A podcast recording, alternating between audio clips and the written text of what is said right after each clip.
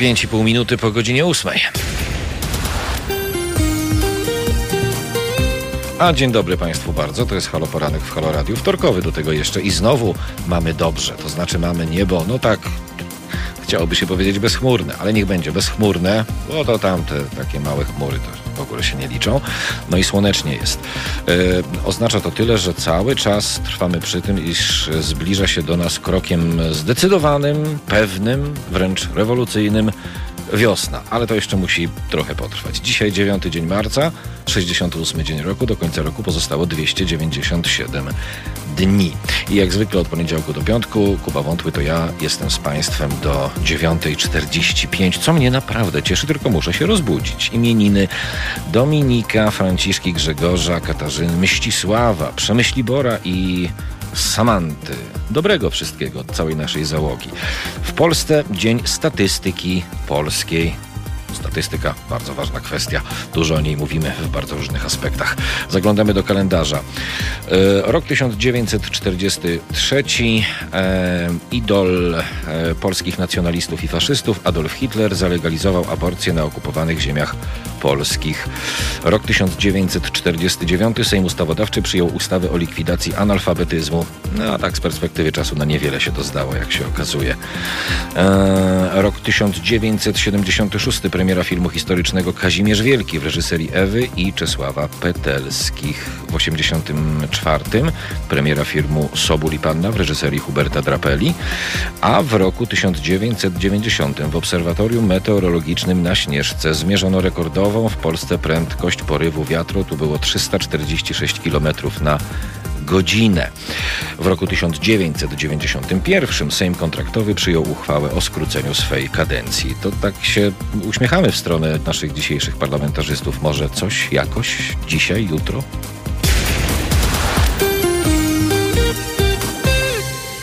Program jest wtorkowy i poranny. To jestem Państwu winien agendę dzisiejszą e, poranną w trakcie tego mojego e, rozbudzania się. Teraz małpahalo.radio, Wasze komentarze YouTube, Facebook i Mixcloud. A ja już spieszę powiedzieć, że o 8.30 połączymy się z panem Michałem Setlakiem z przeglądu lotniczego. Mieliśmy już okazję rozmawiać. E, to dzisiaj, zgodnie z zapowiedzią podczas tej ostatniej rozmowy, skupimy się na tym, jak obchodzony jest zakaz lotów w dobie dobie koronawirusa, bo że jest obchodzony, to są fakty, ale sam pan Michał wspomniał przy okazji naszej ostatniej rozmowy, że na to potrzeba trochę więcej czasu. No to dzisiaj będziemy ten czas, myślę, mieli. Michał Setlak, przegląd lotniczy 8.30 Państwa i mój gość, a 8.45 z trochę kosmicznym pomysłem, nie ukrywam. E, poseł Lewicy, socjolog, publicysta, między innymi przez lata dla krytyki politycznej pisał doktor habilitowany Maciej Gdula, e, który to domaga się wycofania w pustyni i w puszczy z listy listy e, lektur pod hasłem Przestańmy zatruwać dzieci. Co Państwo na to? W pustyni i w puszczy zatruwa e, dzieci, jak to mówi e, pan doktor Maciej Gdula, to ewentualnie czekam na komentarze. O 8.45 połączymy się z panem Maciejem Gdulą. O 9.15 pan Maciej Wroński, prawnik, ekspert bezpieczeństwa ruchu drogowego, prezes Związku Pracodawców Transportu i Logistyki, były dyrektor Departamentu Dróg i Transportu Drogowego w Ministerstwie Transportu. Zastanawiam się, jak by, by pan Maciej, muszę zapytać, y, przedstawia się na spotkaniu, ile to trwa. Będzie o zwiększenie zakresu ochrony pieszego w rejonie przejścia, ujednoliceniu dopuszczalnej prędkości w obszarze zabudowanym, niezależnie od pory dnia, oraz zakazie tak zwanej jazdy na zderzak. Y, to przewiduje podpisana przez prezydenta Andrzeja Dudę, no to nie dziwi, podpisana, nowelizacja prawa o ruchu drogowym. Nowe przepisy wejdą w życie 1 czerwca tego roku. Jeśli wejdą, to teraz pytanie, jak długo będziemy musieli czekać na pozytywne zmiany na naszych drogach w celu zwiększenia bezpieczeństwa, także kierowców, ale przede wszystkim pieszych, bo tak przypomnę Państwu, sam czasami o tym zapominam, że każdy kierowca też na pewnym etapie pieszym pozostaje. To znaczy wszyscy jesteśmy pieszymi, bez względu na to, e, jak czasowo się e, poruszamy e, i jakimi środkami transportu. Maciej Wroński, prawnik, ekspert bezpieczeństwa ruchu drogowego, 9.15 Państwa i mój gość. No i tak na dokładkę, creme de la creme właściwie, tak na koniec. Będzie o festiwalu filmów dokumentalnych prezentujących e, kobiety, festiwalu, który skupia się na ważnej problematyce e, kobiet i to są filmy przede wszystkim realizowane przez kobiety. I tak, kto się boi wibratorów i kobiecej seksualności? No, czyli o zawieszeniu przeglądu e, filmów i dymisji e, dyrektora festiwalu. Weronika Adamowska będzie Państwa i moją gościnią o godzinie 9.30. Bo tak to w Polsce bywa, że jak się organizuje fajne, oryginalne, potrzebne, poruszające ważną tematykę, problematykę społeczną, na przykład festiwale filmowe, to się je organizuje, organizuje, organizuje i już mają się rozpocząć i potem jest telefon z kurii na przykład i kuria mówi, że jest niezadowolona w tej sytuacji. Że gdyby było o dzieciach, na przykład o chłopcach trzyletnich na tym festiwalu, no to może jeszcze by to jakoś przeszło. Gdyby jeszcze na tym festiwalu było o tych trzyletnich chłopcach i by przy okazji byłyby udostępniane numery telefonów, adresy tych chłopców, też byłoby to. Kuria by naprawdę jakoś przeszła nad tym do porządku dziennego. Ale o prawach kobiet, o jakiejś seksualności? Nie, no bez jaj. No, to jest Polska w końcu. Kraj burakami płynący. 12 minut po ósmej program jest poranny w Halo Radio. U nas słonecznie. Mam nadzieję, że u Państwa też. No to gramy.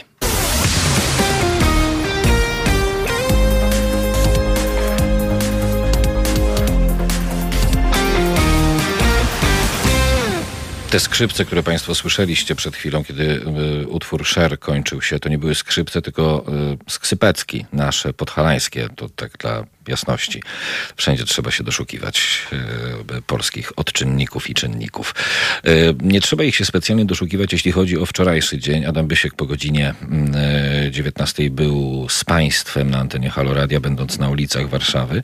No i mówiąc delikatnie, działo się.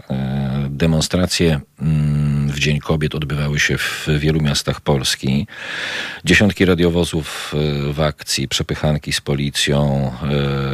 Y, w Warszawie taka manifestacja wczoraj odbyła się. Była organizowana oczywiście przez strajk kobiet.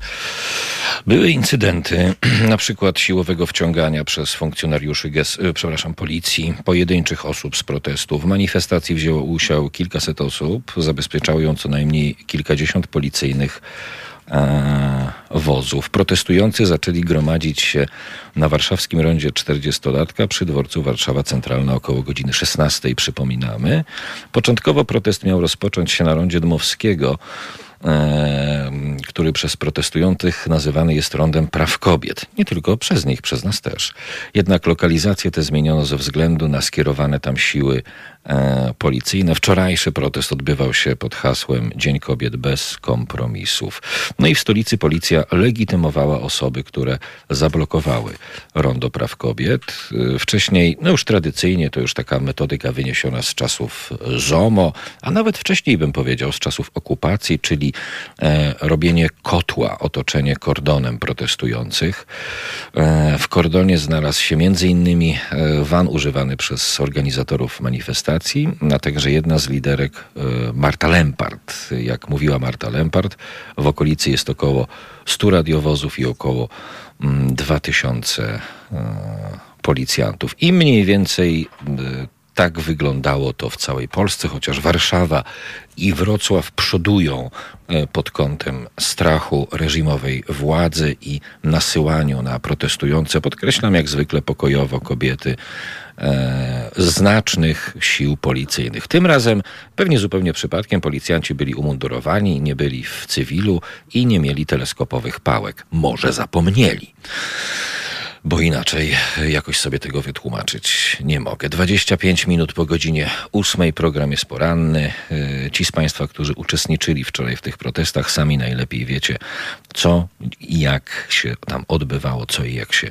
działo. Dzisiaj wtorek, więc jeszcze szybko Państwu przypomnę o 9.50 felieton profesora Tadeusza Bartosia, o 14.50 felieton profesora Marcina Matczaka, a o 16.50 felieton pani profesor Ewy Pietrzyk-Zieniewicz politolożki. E, a już e, za niespełna pięć minut połączymy się z panem Michałem Setlakiem z przeglądu lotniczego, bo przy okazji naszej ostatniej rozmowy kilka dni temu zakończyliśmy ją takim hasłem, a jak obchodzony jest zakaz latania? I pan Michał wtedy powiedział, o, to na dłuższą rozmowę. No to dzisiaj ta dłuższa rozmowa e, odbędzie się. Będziemy właśnie rozmawiać o tym, jak obchodzony jest zakaz latania. E, być może legalnie i nielegalnie, bo legalną alternatywą może być wynajęcie prywatnego samolotu, tak zwanych powietrznych taksówek. No to taki klasyczny Uber powietrzny, prawda? Korzystamy z nich na co dzień, więc myślę, że to dla nikogo zaskoczeniem absolutnym e, nie będzie. Mm, y, to jeszcze tylko Państwu przypomnę ku naszej radości, że każdego miesiąca słucha nas od 300 do 400 tysięcy z Was. No i jeśli połowa z Was będzie przesyłać nam raz w miesiącu na przykład 10 zł, to będziemy nie tylko nadawać, ale też też cały czas się rozwijać. Nie potrzebujemy wielkich pieniędzy, potrzebujemy tyle, by spokojnie pracować na rzecz społeczeństwa obywatelskiego, by pozostać bezstronnymi i niezależnymi zarówno od władzy, jak i opozycji by gromadzić wokół siebie ludzi myślących, takich jak państwo, a więc takich, którzy nie zakochują się bezkrytycznie w politykach opozycji, a wymagają od nich konkretnych pomysłów na Polskę i na to, jak będzie ona wyglądać, gdy antyspołeczny reżim przegra wreszcie wybory. Wszelkie informacje na temat możliwości wspierania Halo Radio, w tym płatności elektronicznych i zwykłych przelewów bankowych, znajdziecie Państwo na stronie halo.radio ukośnik SOS. Polecamy też nasze konto na zrzutka.pl ukośnik Halo Radio. I serdecznie dziękujemy, bo tylko dzięki Wam funkcjonujemy. 27 minut po godzinie 8. Za chwilę wspomniany pan Michał Setlak z przeglądu lotniczego.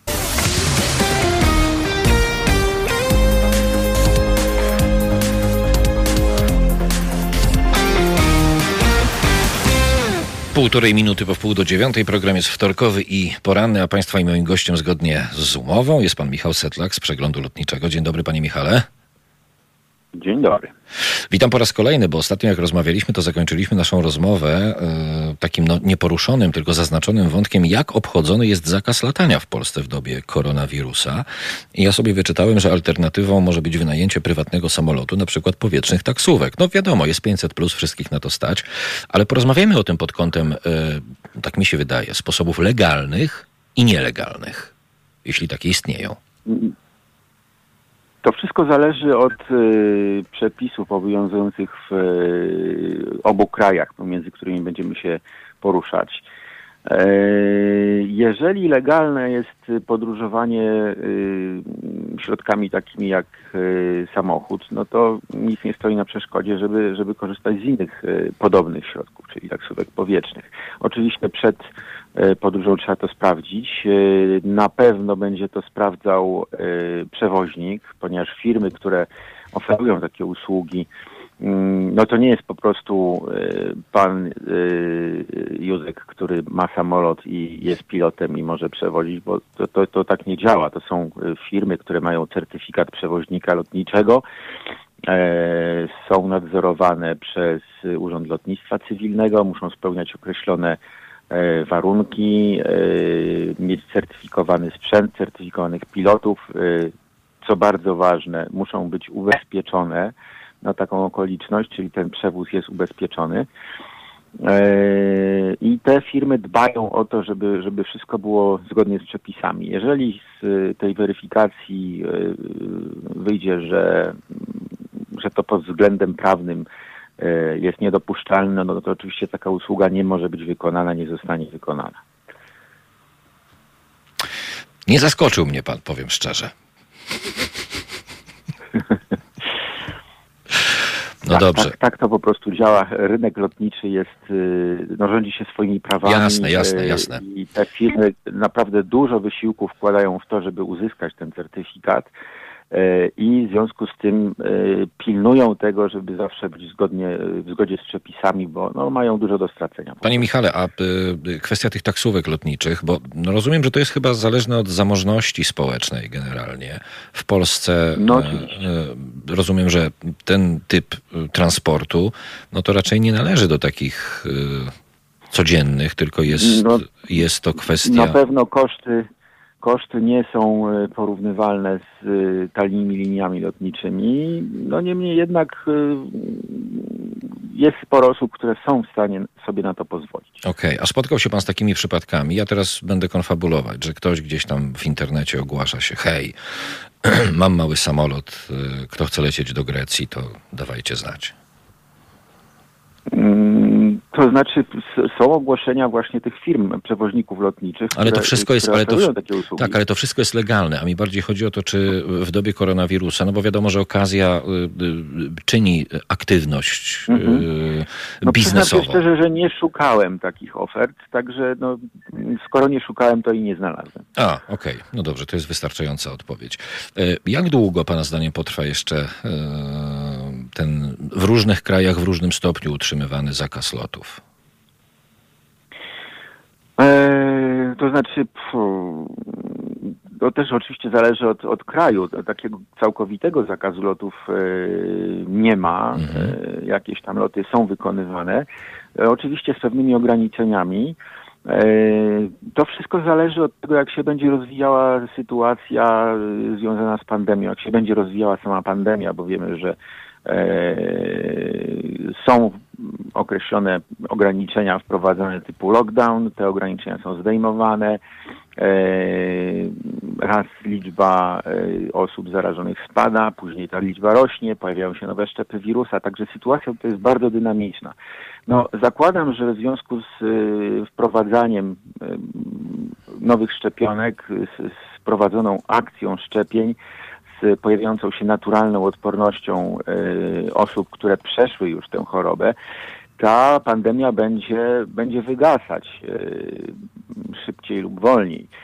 E, I jeżeli sytuacja na to pozwoli, no to te zakazy będą sukcesywnie mm, usuwane, bo to też są po, potężne koszty i to mm, nie tylko dla przedsiębiorców, którzy zainwestowali w linie lotnicze, bo to są zazwyczaj prywatne e, linie lotnicze, spółki giełdowe, e, ale również jest to obciążenie dla e, państw. Mniejsze zyski z podatków i niejednokrotnie koszty powiedzmy bezpośrednie, ponieważ państwa starają się pomagać tym, tym liniom i, i angażują w to swoje środki finansowe. Kiedy sytuacja na to pozwoli, to te zakazy będą zdejmowane, transport będzie się powoli e, podnosił. Mm, Natomiast e, e, linie lotnicze, aby zredukować obciążenie tą sytuacją, bo to nie tylko są straty polegające na braku przychodów, ale, ale również straty związane z tym, że no, trzeba jakoś utrzymywać przedsiębiorstwo. E, owszem, zwalniane są mm, spore grupy pracowników, ale są taki, tacy pracownicy, których trzeba po prostu utrzymać i trzeba im płacić, mimo że, że tych przychodów nie ma. E, Także e, no, linie się poograniczały. Wycofywane jest, wycofywana jest z eksploatacji część parku maszynowego, część samolotów. E, No, bardzo wiele tych samolotów stoi po prostu i, i jest przechowywanych, e, zakonserwowanych, ale to też wymaga e, zajmowania się nimi i, i, i kosztuje, a część samolotów jest wycofywanych po prostu na złom. Mamy taką sytuację, że e, najwięksi przewoźnicy, którzy do tej pory eksploatowali no, kultowe samoloty, takie jak Boeing 747 czy wydawałoby się całkiem nowy Airbus 320, rezygnują z tych maszyn. E, British Airways wycofał już wszystkie 747. E, Air France e, nie eksploatuje już Airbusów 380. E, To, to, to jest szokujące, bo to jest kraj, który no, bardzo się szczycił tym, że, że uczestniczył w opracowaniu tej nowatorskiej maszyny i, e, i był jednym z największych użyt- użytkowników. Już tych samolotów nie ma i one praktycznie idą na złom. E, Bo okazuje się, że, że tych dużych czterosilnikowych samolotów po prostu się nie opłaca eksploatować. Mm, Bardziej opłacalne w eksploatacji są maszyny dwusilnikowe, także już niedługo mm, no po prostu nie będziemy mogli sobie e, polecieć e, dużym czterosilnikowym liniowcem. One odejdą w przeszłość, już odchodzą. Tak jak e, wielkie trzykominowe transatlantyki. Hmm, Proszę bardzo, jak COVID zmienia rzeczywistość także w materii lotnictwa. Pan Michał Setlak, przegląd lotniczy. Panie Michale, dziękuję o poranku za tę chwilę, którą pan nam poświęcił. Dziękuję również. Wszystkiego dobrego. Kłaniamy się, dziękujemy. 20,5 minuty do godziny 9. Jak państwo gdzieś lecicie dzisiaj, to zwróćcie uwagę, ile silników będzie miał samolot. Znaczy, ważne, żeby miał minimum dwa, bo jak nie będzie miał dwóch, typu no, jeden albo w ogóle, no to polecalibyśmy jednak nie lecieć. E, za kilka minut doktor habilitowany Maciej Gdura, poseł lewicy, socjolog, publicysta, między innymi krytyki politycznej, pisał dla niej przez lata. E, mm, pan Maciej Gdula domaga się wycofania e, z obrotu w pustyni i w puszczy, z obrotu lektur. Ponoć no, zatruwa ta lektura dzieci. O tym porozmawiamy z panem doktorem Maciejem Gdulą. 20 minut do dziewiątej.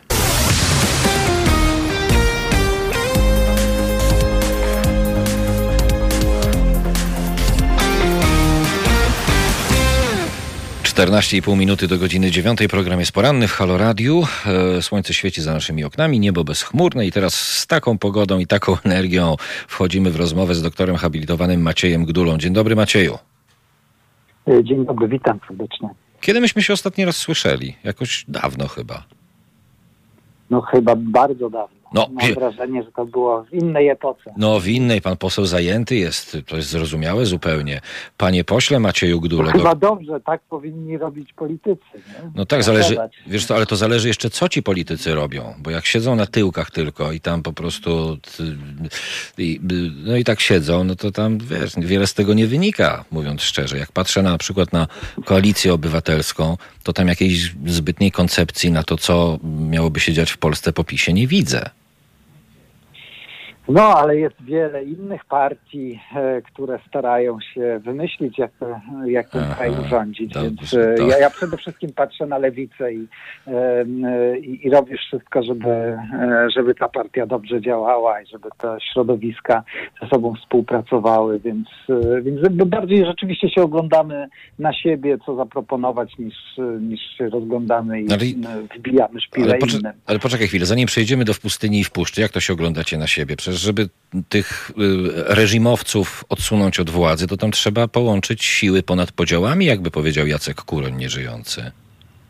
Y, Rzeczywiście tak jest. I ja my- myślę, że w, mm, w tych y, różnych partiach opozycji y, dojrzewa taka idea. I zresztą toczą się też rozmowy o tym, mówiliśmy dość otwarcie, nad jakimś minimum programowym, nad tym, gdzie się można dogadać.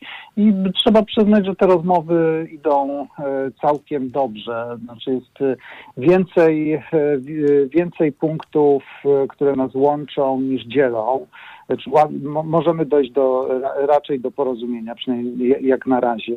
E, I e, nie jest tak, że opozycję łączy wyłącznie niechęć do PiSu, chociaż ta niechęć jest u nas duża. Czyli, czyli jak toczą się rozmowy minimum programowe, to też rozumiem, że już wiadomo w przyszłym rządzie, kto gdzie, jakim ministrem zostaje, kto jakie spółki Skarbu Państwa bierze, tak? To już też jest ustalone względnie No jakoś. właśnie w ogóle się tym nie zajmujemy. Jakby to jest e, też, też tak powiem, że jak się patrzy na politykę ze środka, to mm, prze, e, zakładanie takich scenariuszy, takie dalekie planowanie, to w ogóle mm, jest trochę absurdalne. Znaczy, po- politycy tak po prostu nie robią. e, Bo polityka jest, trzeba ją widzieć i w bardzo długim planie, i w bardzo krótkim. I tak naprawdę w tych rozmowach chodzi o to, żeby wy, wypracować rzeczywiście jakąś wizję tego, tego, co nas łączy, y, tego, co rzeczywiście można Polkom i Polakom zaproponować. A kwestie stanowisk to już w ogóle jest jakaś. Y, Jakby ciężko o tym w ogóle dzisiaj rozmawiać, jakichś podziałów, resortów, ministerstw. Tak, na to przyjdzie, na to zainteresowań. przyjdzie, ogóle na to przyjdzie czas później, tak, rzeczywiście. jeżeli też ludzie zaakceptują ten, to, co im mamy do zaoferowania, no bo jeżeli to, to, to zostanie odrzucone, to w ogóle po co gadać o stanowiskach? Rasizm, kolonializm, patriarchat. Tak komentujesz yy, yy, no, w pustyni i w puszczy w sumie yy, w materii wycofania z kanonu yy, lektur w podstawówce. A minister ci odpo- wiceminister edukacji ci odpowiada, że jesteś rewolucyjnie zacietrzewiony.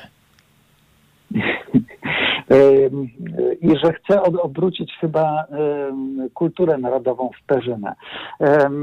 No nie wiem, wydaje mi się, że to nie jest rozsądna odpowiedź ministra, który zajmuje się edukacją. Na jego miejscu po prostu sięgnąłbym do pustyni w puszczy. Ja też przyznaję się, nie pamiętałem jak zła to jest książka, jak ona jest przesycona tymi rasistowskimi ideami, bo my tak trochę ją zapamiętaliśmy, że to książka o tym, jak chłopak, dziewczynka, słoń i pies podróżują przez Afrykę, no i tam pomaga im miły, czarnoskóry Kali.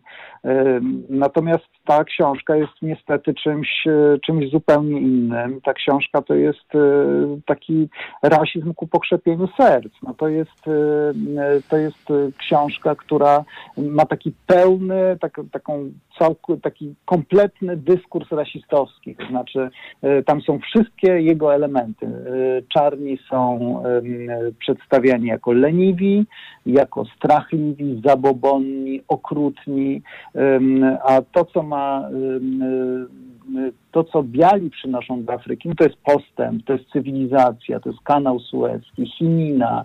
No oni muszą tych czarnych prowadzić, bo bez tego to Afryka będzie, będzie takim straconym kontynentem. No, I to jest no, trudne, no, trudno to w ogóle zaakceptować jako lekturę dla małych dzieci, no dzieci, które mają 10, 11, 12 lat. A nie jest tak z literaturą, że ona oddaje ducha czasu, w którym była tworzona? E, e, na pewno tak, e, no ale to jest pytanie, jak wtedy się do tego odnosić, no bo na pewno książka, która kiedyś była w kanonie o człowieku, który się kulą nie kłaniał, o Karolu Świerczewskim, też oddawała ducha czasu. No ale to zobacz, wejdę ci w słowo, zobacz, wychodzi Mein Kampf ze 180 dodatkowo stronnicowym krytycznym opracowaniem. To przecież nauczyciele są od tego, żeby mm, omawiając na przykład w pustyni i w, puszce, w puszczy odnieść się do tego, o czym mówisz i wytłumaczyć to tło e, współczesne w odniesieniu do tła historycznego, w którym powieść powstawała. To by było idealne. E, chociaż nie, też nie odbywalibyśmy tej dyskusji, gdybym e, nie zaproponował, żeby tę książkę w ogóle wywalić z kanonu, mm -hmm. że to, to jest mm -hmm. coś, co powinniśmy brać pod uwagę. E, ale wykorzystanie Sienkiewicza rzeczywiście dla takiej edukacji, która refleksywizuje w ogóle rasizm, tak pokazuje, że to jest, że, że jest jakiś problem. To byłoby wspaniałe, gdyby można było ją odczytać krytycznie, zwłaszcza ze starszymi dziećmi.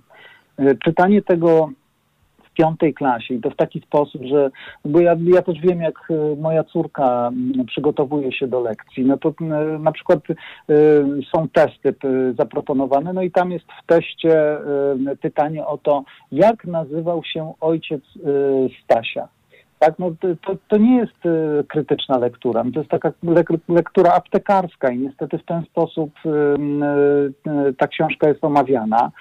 A rzeczywiście, gdyby ją analizować jako pewien dokument, jako książkę, która powstała w określonym czasie, i zawiera szereg stereotypów y, i uzasadnień tego, jak y, Europa panowała nad Afryką, to było świetne. Też, też to jest pytanie o naszą kulturę narodową. No bo jeżeli my zdominowani przez innych, przez silniejsze narody, pocieszaliśmy się w ten sposób, że a przynajmniej to jesteśmy biali, no to też coś pokazuje na temat DNA naszej kultury. Tak? Jakich my używamy sposobów, żeby mm, budować poczucie godności, poczucie sensu. No to jest, to jest rzeczywiście wyzwanie tak zinterpretować e, Sienkiewicza i zobaczyć, co z tego wyjdzie. Ja bym chciał, żeby tak było. E, e, to by było optymalne, ale być może prostszym rozwiązaniem na teraz jest, jest po prostu przesunięcie na przykład tej lektury do lektur nieobowiązkowych. Żywotnie zainteresowana Twoim pomysłem jest pani profesor Ewa Pietrzyk-Zieniewicz, politolożka, która przysłuchuje się naszej rozmowie. Dzień dobry, pani profesor. Dzień dobry panom, dzień dobry państwu. W tym momencie polonistka. Dobrze, to w takim razie jeszcze raz. Pani profesor Ewa Pietrzyk-Zieniewicz, polonistka. E, to zostawiam. Dzień dobry, to, to zostawiam państwa, zostawiam państwa i ja się na chwilę wyłączę. Porozmawiajcie o tym pomyśle. No cóż, no uśmiecham się, bo z pomysłu, przepraszam, kuriozalnego, po prostu już wyrzucić, bo, bo, bo to przecież rasizm, ko, kolonializm, a swoją dro drogą, gdzie pan poseł tam znalazł taki patriarchat wojujący, wołający o pomstę do nieba, to nie wiem, a tekst znam nieźle, może się dowiem zaraz. Przeszedł pan poseł w kierunku bardziej konstruktywnym, czyli jak gdyby zapytał o rolę nauczyciela y, w analizie i interpretacji tekstów literackich i przygotowaniu do y, tegoż. I no i tutaj, no pewnie byśmy o szkole pogadali chwilę, bo że testomania jest, no nie rozwija, łagodnie mówiąc, a y, pytania w testach są niekiedy takie, że rzeczywiście na poziomie pantofelka y, niemalże, bo to i, i, i niezbyt, o niezbyt, o rzeczy niezbyt istotne i takie tylko pamięć drenujące, a żadnej refleksji nie y, rozwijające, no to, to, to jest tak zwana święta prawda. Natomiast, panie pośle, same kategorie rasizm, kolonializm nie istniały jeszcze w kontekście macierzystym, czyli wtedy, kiedy nasz noblista tekst popełnił, więc trudno te, tymi kategoriami i tekst oceniać, jakby to jest jedno wielkie nieporozumienie. Zresztą ostatnio bardzo obecne w naszych ocenach, na przykład wszystko z perspektywy gender, czyli dzisiejszej. I różne śmieszne rzeczy wychodzą, ale gdyby się chciało oceniać tymi kategoriami dzisiejszymi, tekst Sienkiewiczowski, no to na przykład, wie pan, yy, kolejka się ustawi tych tekstów do wywalenia, bo to i Robinsona z Piętaszkiem relacja, oj niepiękna, no poza głowę, bo seksista. I mogę z tej kolejki wymieniać bardzo wielu. To od razu odpowiem o ten rasizm, bo to, że rasizmu nie było jako kategorii, to nie jest prawda. Rasizm występował już wtedy, już był bardzo silny, przecież w XIX wieku, a w pustyni i w puszczy to jest początek wieku XX, kiedy ta książka wychodzi, no. więc rasizm był bardzo silnie zakorzeniony w kulturze europejskiej, tak samo jak kolonializm. No, ale inaczej. inaczej, ale Sienkiewicz wpisywał się i bardzo chciał się zapisać do tych dominujących europejskich narodów. No, to jest właśnie coś, co robi mały naród, który jest zdominowany, to znaczy podpiąć się pod większy, żeby, żeby zdominować tych, którzy są jeszcze, jeszcze niżej. No myślę, że to jest coś, co, z czego sobie powinniśmy zdawać sprawę. Jeśli chodzi o patriarchalizm tej książki, to on jest na kilku poziomach, no bo to jest z jednej strony postać Nel, która jest całkowicie taka nieaktywna. Ona cały czas nią się stać opiekuje, ona jest, ona sobie nie daje mhm. rady, ona jest chora, ona, ona jest e, taką, to, to buduje pewną wizję kobiecości, tak? Takiej, która jest delikatna, trzeba się nią opiekować, ale która, której nic, ale która nie przeradza się w żadne, w żadne działanie, w żadną sprawczość.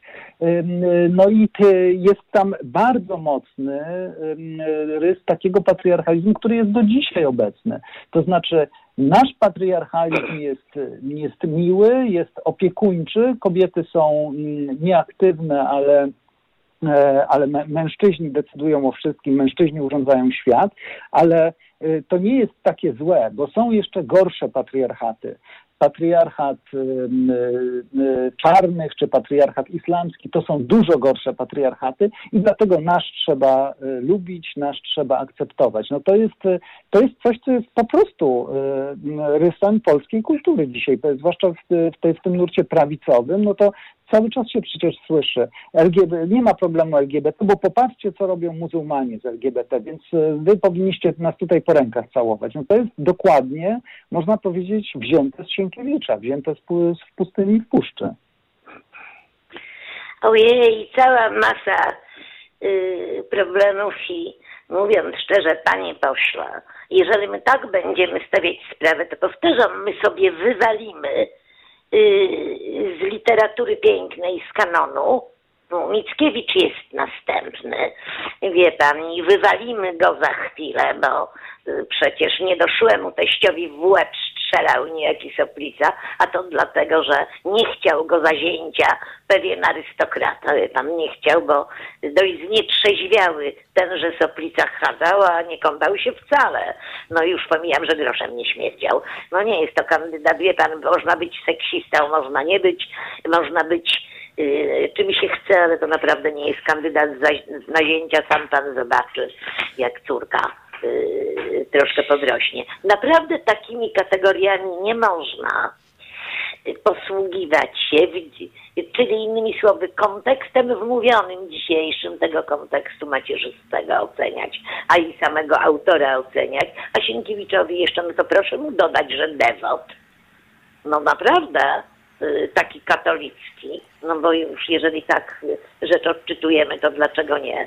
Natomiast sama zasada literatury pięknej, yy, która naprawdę własnymi prawami się rządzi ta ocena w kategoriach socjopolitycznych wcale nie jest pierwszoplanowa, no to, to, to, to, to rzecz inna i mam wrażenie, że niepodlegająca dyskusji. No jako żywo. Wchodzę no w dobrze, słowo. Czy Wchodzę w a słowo. moment, czy ogniem i mieczem też wywalicie? Proszę wchodzić, to i to słowo daję. Proszę wchodzić E, w słowo.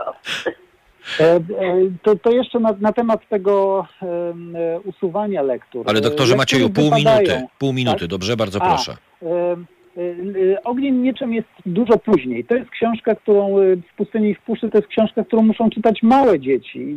To, to mnie też bardzo bulwersuje, Nie, bo to uczy też tolerancji. też, Tolerancji dla zasadzie. rasizmu. Moim zdaniem na to nie powinno być miejsca, ale jestem generalnie, jakby to jest też dla mnie nawet lepsza opcja, omawiać krytycznie e, w pustyni i w puszczy, z całym kontekstem i No to pokazywać, do jak to bardzo proszę, zatruwa, zgadzam się. e, jak bardzo zatruł Sienkiewicz kulturę polską i jak tutaj Ojej, panie pośle, na nas, protestuję. Absolutnie na nas, e, protestuję.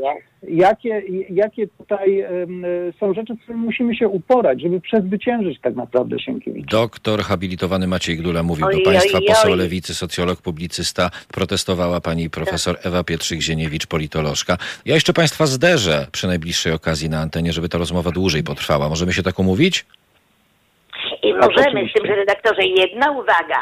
I w ogóle sformułowanie Sienkiewicz zatruł kulturę polską powoduje, że no, żyjemy na archipelagach, nie spotkamy się nigdy. I panie pośle lewicy, doktorze, profesorze, tak nie można, bo tylko prawica ta, której oboje, no którą oboje niespecjalnie lubimy, będzie komentować i będzie miała rację, a tego znieść nie mogę. Nie, nie, upraszam o pewien dobór yy, i, i no jak gdyby o inną stylistykę w doborze argumentów. Ostatnie nie, noblista niczego nam nie zatruł. Ostatnie słowo należało do pani profesor. Pięknie No, Państwu trud- dziękuję. Pięknie Państwu dziękuję. zgodzić. Pięknie Państwu dziękuję na dzisiaj, ale obiecuję, że do tej dyskusji, która chyba dopiero się rozkręca, powrócimy. Na zegarach y, dwie i pół minuty po godzinie dziewiątej. Już to właściwie wiadomości powinny się kończyć, ale nie sposób było przerwać tego dialogu. Słuchacie Halo Radia. Dziewiąta minęła dwie i pół minuty temu.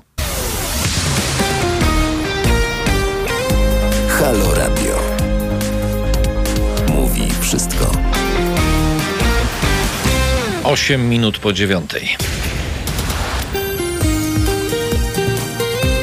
A ja nadal nazywam się Kuba Wątły i jestem z Państwem do 9.45, jak zwykle od poniedziałku do piątku, dziś we wtorek, 9 marca. To jest 68 dzień roku, do końca roku 297 dni. Nam pozostało imieniny Dominika Franciszka Grzegorza, Przemyśli Bora i Samanty. Wszystkiego dobrego od całej naszej załogi. W Polsce Dzień Statystyki Polskiej. A w historii w roku 1971 Włodzimierz Janiurek został pierwszym rzecznikiem prasowym rządu. W roku 1990 w obserwatorium meteorologicznym na ścieżce, na ścieżce chciałem powiedzieć, na Śnieżce zmierzono rekordową w Polsce prędkość wiatru 346 km. To było zdecydowanie za dużo. Druga godzina wtorkowego poranka. Jimmy pyta, kiedy w naszym studio Sasin, Sikorski, Budka, Tarczyński. Proszę nas słuchać. Jak będzie taka potrzeba, to na pewno się pojawią. E, w szczególności interesują nas politycy opozycji jednak z bardzo prostego powodu. Jeśli mamy odsunąć reżim od władzy, to ktoś od polityków opozycji musi wymagać konkretnych pytań w bardzo konkretnych sprawach, które będą dotyczyć tego, jak Polska ma wyglądać po PiSie, no i jakie to mają merytoryczne pomysły na poszczególne segmenty naszej politycznej i społecznej rzeczywistości, proszę Państwa. Nie można pozostać obojętnym do takiego wniosku już dawno temu. Doszliśmy, biorąc pod uwagę, jak ugrzecznione są e, media tradycyjne w naszym kraju e, wobec w ogóle wszystkich polityków. Jedne wobec polityków e, rządzącej hunty, reżimu, a drugie wobec polityków opozycji. Ktoś musi zacząć pytać, jak naprawdę ma być po pisowskim reżimie. Teraz małpahalo.radio, wasze komentarze YouTube, Facebook i Mixcloud, prawie 10 minut po dziewiątej. To tylko przypominam, że już za kilka minut pan Maciej Wroński, państwa i mój gość, prawnik, ekspert bezpieczeństwa ruchu drogowego. Zmieniają się przepisy. Nowelizacja prawa o ruchu drogowym wejdzie w życie 1 czerwca. E, przewiduje to e, nowe prawo ujednolicenie dopuszczalnej prędkości w obszarze zabudowanym niezależnie od pory dnia. No i zakaz jazdy na zderzak. O tym wszystkim z panem Maciejem Wrońskim już za chwilę, ale także Weronika Adamowska o 9.30 będzie państwa i moją gościnią. Her Dogs Film Festival to festiwal filmów dokumentalnych prezentujący filmy autorstwa kobiet oraz skupiający się na ważnej dla nich tematyce. I jak się minister Gliński dowiedział, jak się zezłościł strasznie, że, że nie ma biskupów w tych filmach, nie ma księży, nie ma dwuletnich dzieci z namiarami od razu dla biskupa, numerem telefonu no, nic nie ma w tych filmach takiego. No i festiwal się nie odbędzie. O tym z Weroniką Adamowską. Her Dogs Film Festival nie odbędzie się, proszę Państwa. 10,5 minuty po dziewiątej. Halo Radio. Mówi wszystko. Kwadrans i pół minuty po godzinie dziewiątej. Program jest wtorkowy i poranny. Zwiększenie zakresu ochrony pieszego w rejonie przejścia, ujednolicenie dopuszczalnej prędkości w obszarze zabudowanym, niezależnie od pory dnia oraz zakaz tzw. Tak jazdy na zderzaku. Przewiduje podpisana przez prezydenta, który lubi podpisywać, nowelizacja prawa o ruchu drogowym. Nowe przepisy wchodzą w życie od 1 czerwca tego roku, a Państwa i moim gościem jest Pan Maciej Wroński, prawnik, ekspert bezpieczeństwa ruchu drogowego, prezes Związku Pracodawców Transport, Transport i Logistyka, były dyrektor Departamentu Dróg i Transportu Drogowego w Ministerstwie Transportu. Dzień dobry Panie Macieju. Dzień dobry, witam serdecznie. Witam serdecznie, dziękuję za poświęcony e, nam czas. I e, pytanie, jak mniemam, e, ta nowelizacja jest potrzebna, ale pytanie, ile Pana zdaniem, chyba że nie jest potrzebna, ile Pana zdaniem tak społecznie potrzebujemy czasu, żeby wdrożyć te zmiany, bo mam takie wrażenie, że w przepisach ruchu drogowego nic nie dzieje się w momencie wprowadzenia przepisu. E, jazda na suwak nadal nastręcza problemów, e, korytarze życia również. Ja myślę w ten sposób, że już e, od kilku lat zauważamy zupełnie inne podejście kierujących pojazdami dla pieszych. Jeżeli tak sięgam pamięcią wstecz, patrzę na to, co było 6, 7, 8, 10 lat temu i patrzę na obecne zachowania kierujących, to widzimy, że nie potrzebujemy przepisów ustawy, aby przepuszczać tych pieszych, którzy nie tylko wchodzą, ale w ogóle zbliżają się do przejść dla pieszych. Czyli myślę, że tutaj e, taki zwyczaj, prawda, i zmiany zachowań kierowców e, wyprzedziły i to znacznie e, legislacyjną aktywność parlamentu, rządu. Oczywiście ktoś może powiedzieć, no ale nadal są kierowcy którzy nie przepuszczają pieszych i dlatego ta ustawa jest potrzebna. Otóż ja się z tym nie zgadzam. Te osoby, które łamią prawo, będą albo zachowują się w sposób niebezpieczny, podejrzewam, że będą się także nadal zachowywały w sposób niebezpieczny, bo aby zmienić ich zachowania potrzebna jest po prostu egzekucja, a tej egzekucji, pomimo że policja, rząd od dawna mówią o bezpieczeństwie słabo chronionych uczestników ruchu, na przejściach dla pieszych e, nie widać.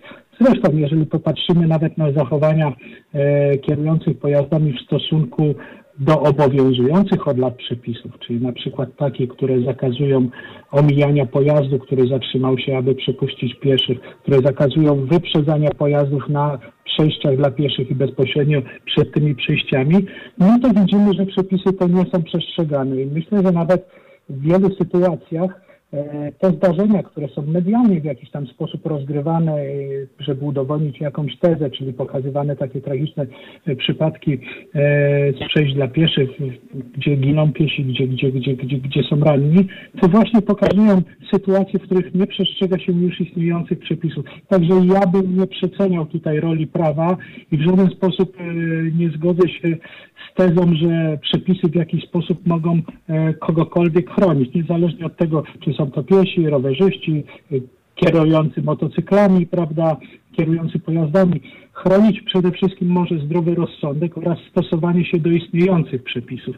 Jeżeli to kuleje, no to możemy sobie wszystko zapisać, papier jest cierpliwy, wszystko y, zniesie. Ja osobiście cieszę się, że jest zmiana podejścia większości kierowców do pieszych już od kilku lat to się zwiększa w dalszym ciągu i e, zdrowy rozsądek jednak ma tutaj większe znaczenie niż e, przepis ustawowy.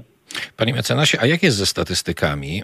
Rzeczywiście one odzwierciedlają Pana zdaniem e, te społeczne zmiany wśród użytkowników dróg i pieszych, i kierowców, które potem no, w pewnej sytuacji, tak jak teraz, nadrabiane są Pana zdaniem w przepisach? Powiem tak, ja nie wierzę w statystyki z prostej przyczyny. Kiedyś jeszcze jako młody człowiek miałem e, praktyki trzymiesięczne w prokuraturze w ramach e, studiów. I pamiętam tamte czasy, że w zależności od tego, w jaki sposób liczyliśmy dane zdarzenie, w jaki sposób przeprowadzaliśmy metodologię, mogliśmy łatwo uzyskać albo wzrost, albo spadek e, liczby wypadków. Generalnie rzecz biorąc, można powiedzieć, że od kilku lat zaczyna być coraz bardziej bezpiecznie. Natomiast nie mamy szczegółowych danych dotyczących przyczyn e, wypadków, bo to, co jest zapisywane w karcie wypadku, przepraszam bardzo, są to takie na gorąco ustalenia, prawda, policji bez uwzględnienia tego, co zostanie ustalone e, w trakcie przewodu sądowego, etc., etc. Także y, powiem szczerze, nie mam zaufania do statystyk, żeby mówić, że coś z czegoś wynika. Mam na tyle zaufanie do statystyk, że wiem, że w naszym kraju wciąż jest w stosunku do tego, co się dzieje w innych państwach europejskich, zbyt niebezpiecznie i powinniśmy bardzo dużą wagę przywiązywać do tego, żeby poprawić to bezpieczeństwo. No i tyle. A czemu Pana zdaniem y, nadal u nas jest zbyt niebezpiecznie niż w innych państwach? E, wydaje mi się, że tutaj przede wszystkim odpowiada za to policja. Policja, która lubi z jednej strony robić akcje, występować w mediach, prawda, udzielać wywiadów, natomiast tam, gdzie jest potrzebna, po prostu tej policji e, nie widzimy. Policja koncentruje się głównie na e, ściganiu naruszeń prędkości i słusznie, ale w sytuacjach takich, w których jest to po prostu co do zasady e, łatwe.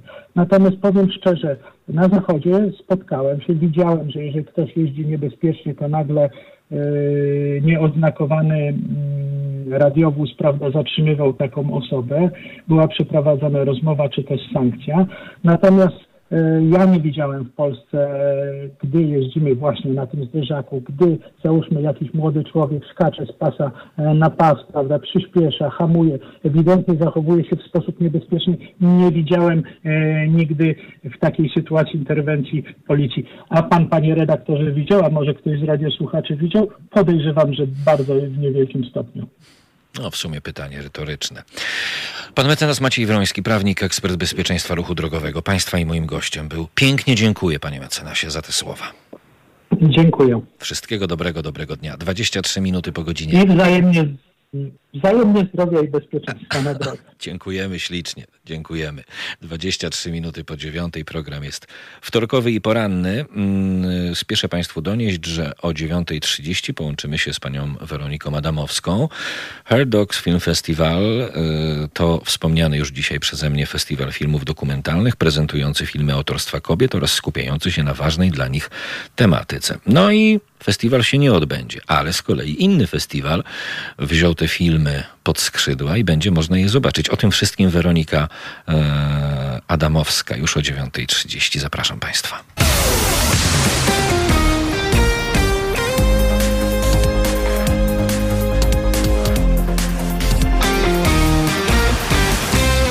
Pół do dziesiątej na zegarach. Program jest poranny i wtorkowy do tego jeszcze. Zgodnie z umową Państwa i moją gościnią jest Weronika Adamowska. Dzień dobry Pani Wero- Weroniko. Dzień dobry. Hair Dogs Film Festival.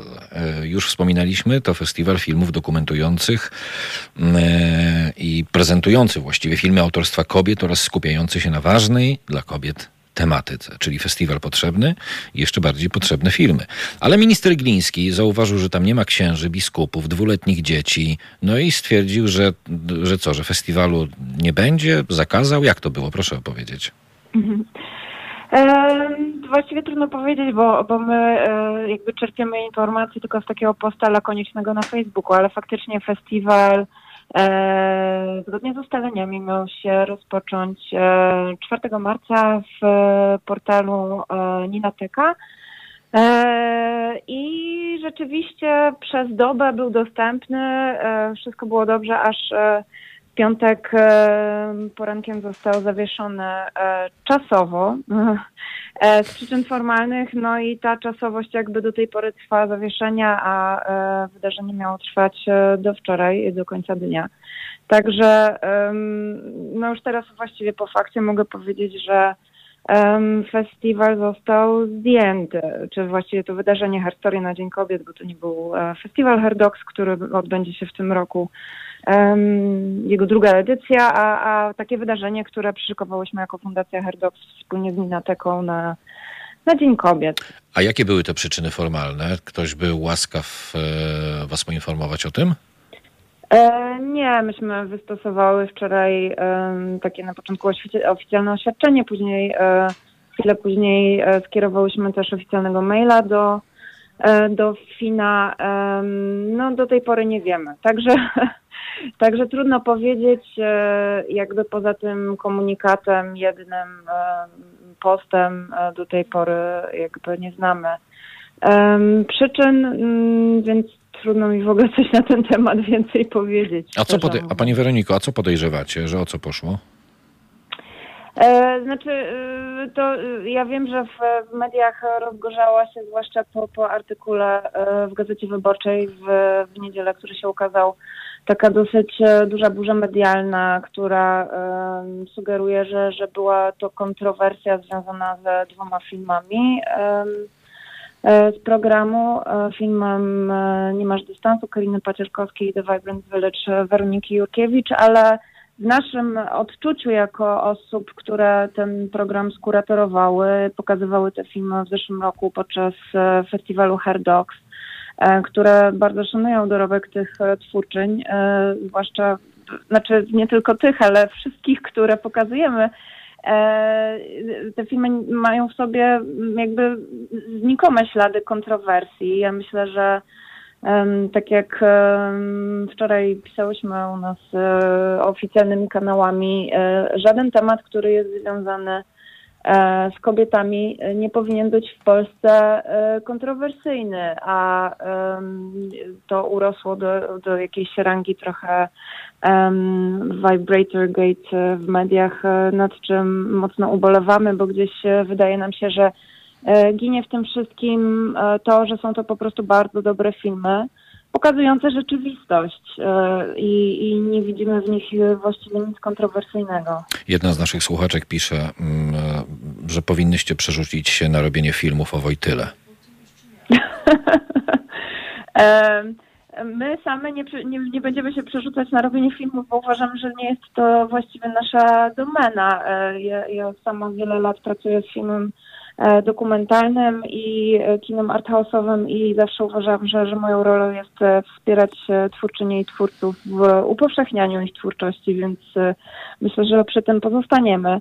Ale e, jakby myślę, że to też e, nie chcę oceniać. Powstają świetne filmy na wszelkiego rodzaju tematy i my nie kategoryzujemy.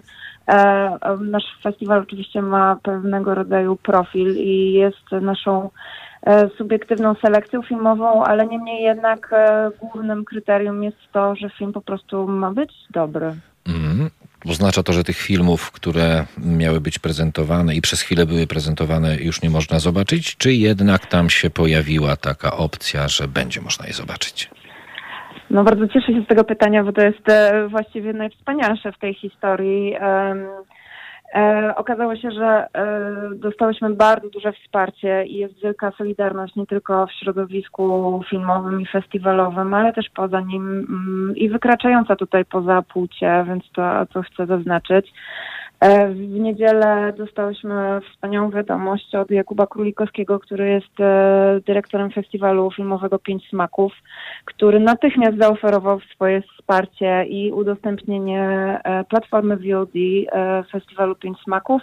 Także dzięki wielkiemu wysiłkowi zespołu festiwalu udało się przywrócić to wydarzenie w niecałą dobę. Także od wczoraj od godziny 18 na stronie www.pięćsmaków.pl ukośnik Herdox.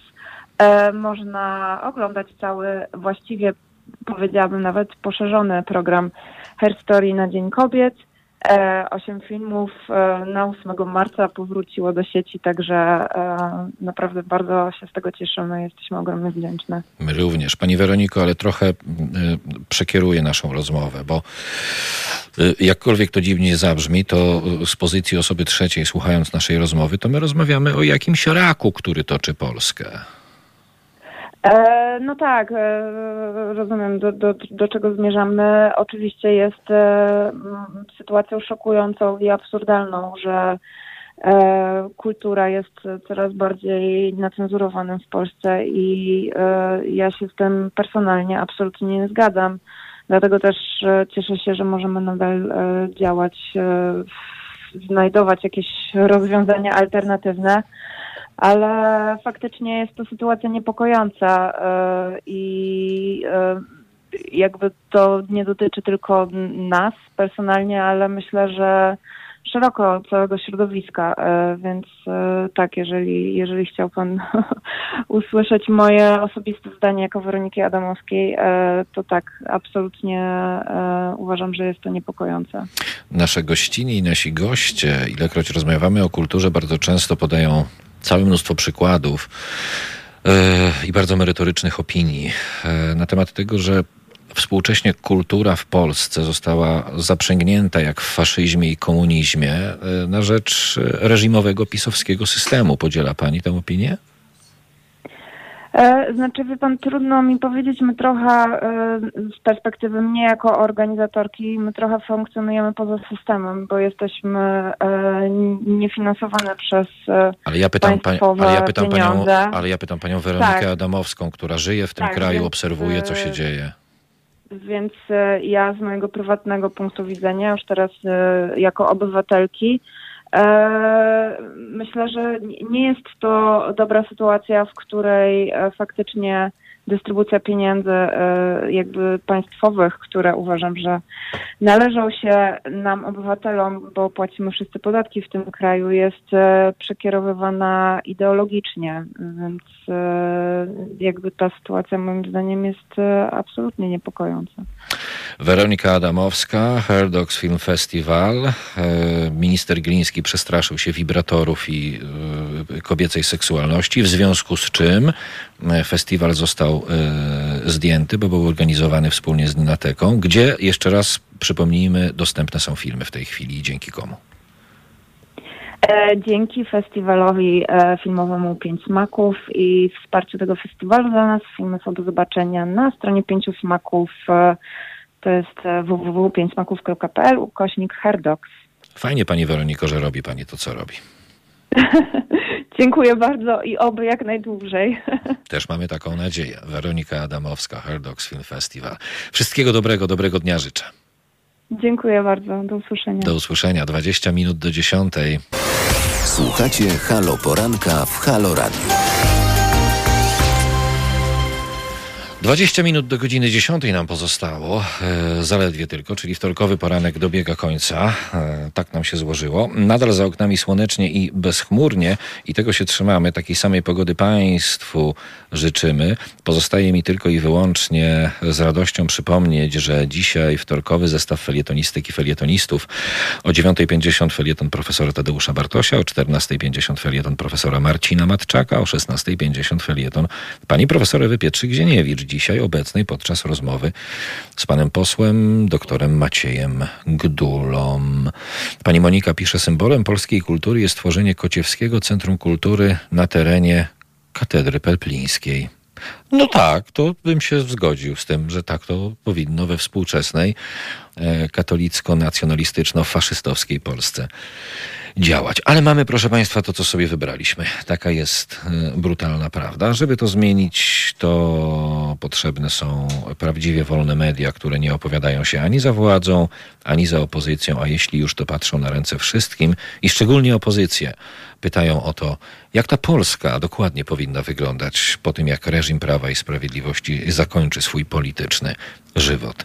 Każdego miesiąca słucha nas od 300 do 400 tysięcy z Was. Jeśli połowa z Was będzie przesyłać nam raz w miesiącu na przykład 10 zł, to będziemy nie tylko nadawać, ale cały czas się rozwijać. Nie potrzebujemy wielkich pieniędzy. Potrzebujemy tyle, by spokojnie pracować na rzecz społeczeństwa obywatelskiego, by pozostać bezstronnymi i niezależnymi zarówno od władzy, jak i opozycji. halo.radio ukośnik SOS, zrzutka.pl ukośnik haloradio. Te 10 zł miesięcznie od połowy z ponad 300 tysięcy naszych słuchaczek i słuchaczy pozwoli nam działać tak jak powinniśmy, proszę Państwa, czyli poruszać tematy nieobecne w mediach korporacyjnych, a przede wszystkim obnażać intencje i działania władzy przy jednoczesnym pytaniu opozycji o wspomniane konkrety, a nie tam nienawidzić władzy, kochać opozycję, bo nie o to przecież chodzi zarówno w dziennikarstwie, jak i wśród nas wszystkich. Wszelkie informacje na temat możliwości wspierania Halo Radia, w tym płatności elektronicznych i zwykłych przelewów bankowych, znajdziecie Państwo na stronie halo.radio ukośnik SOS i polecamy też nasze konto na zrzutka.pl ukośnik Halo Radio. Pięknie Państwu dziękujemy za wspieranie nas stałe. A ja też pięknie dziękuję za dzisiejszy poranek. Michał program realizował, Karolina Słomczyńska wydawała, Jakuba Wątły. Spotkam się z Państwem jutro o godzinie ósmej. Paweł Cwalina od godziny dziesiątej. Halo, dzień, trzy godziny z Pawłem. To jeszcze tylko yy, zajrzę do rozpiski Pawła, co tam się będzie działo. jeszcze nie uzupełnił. Wszystko przed nim. To się Państwo dowiecie po dziesiątej w takim razie. Tak powiem. Dobrego dnia życzę.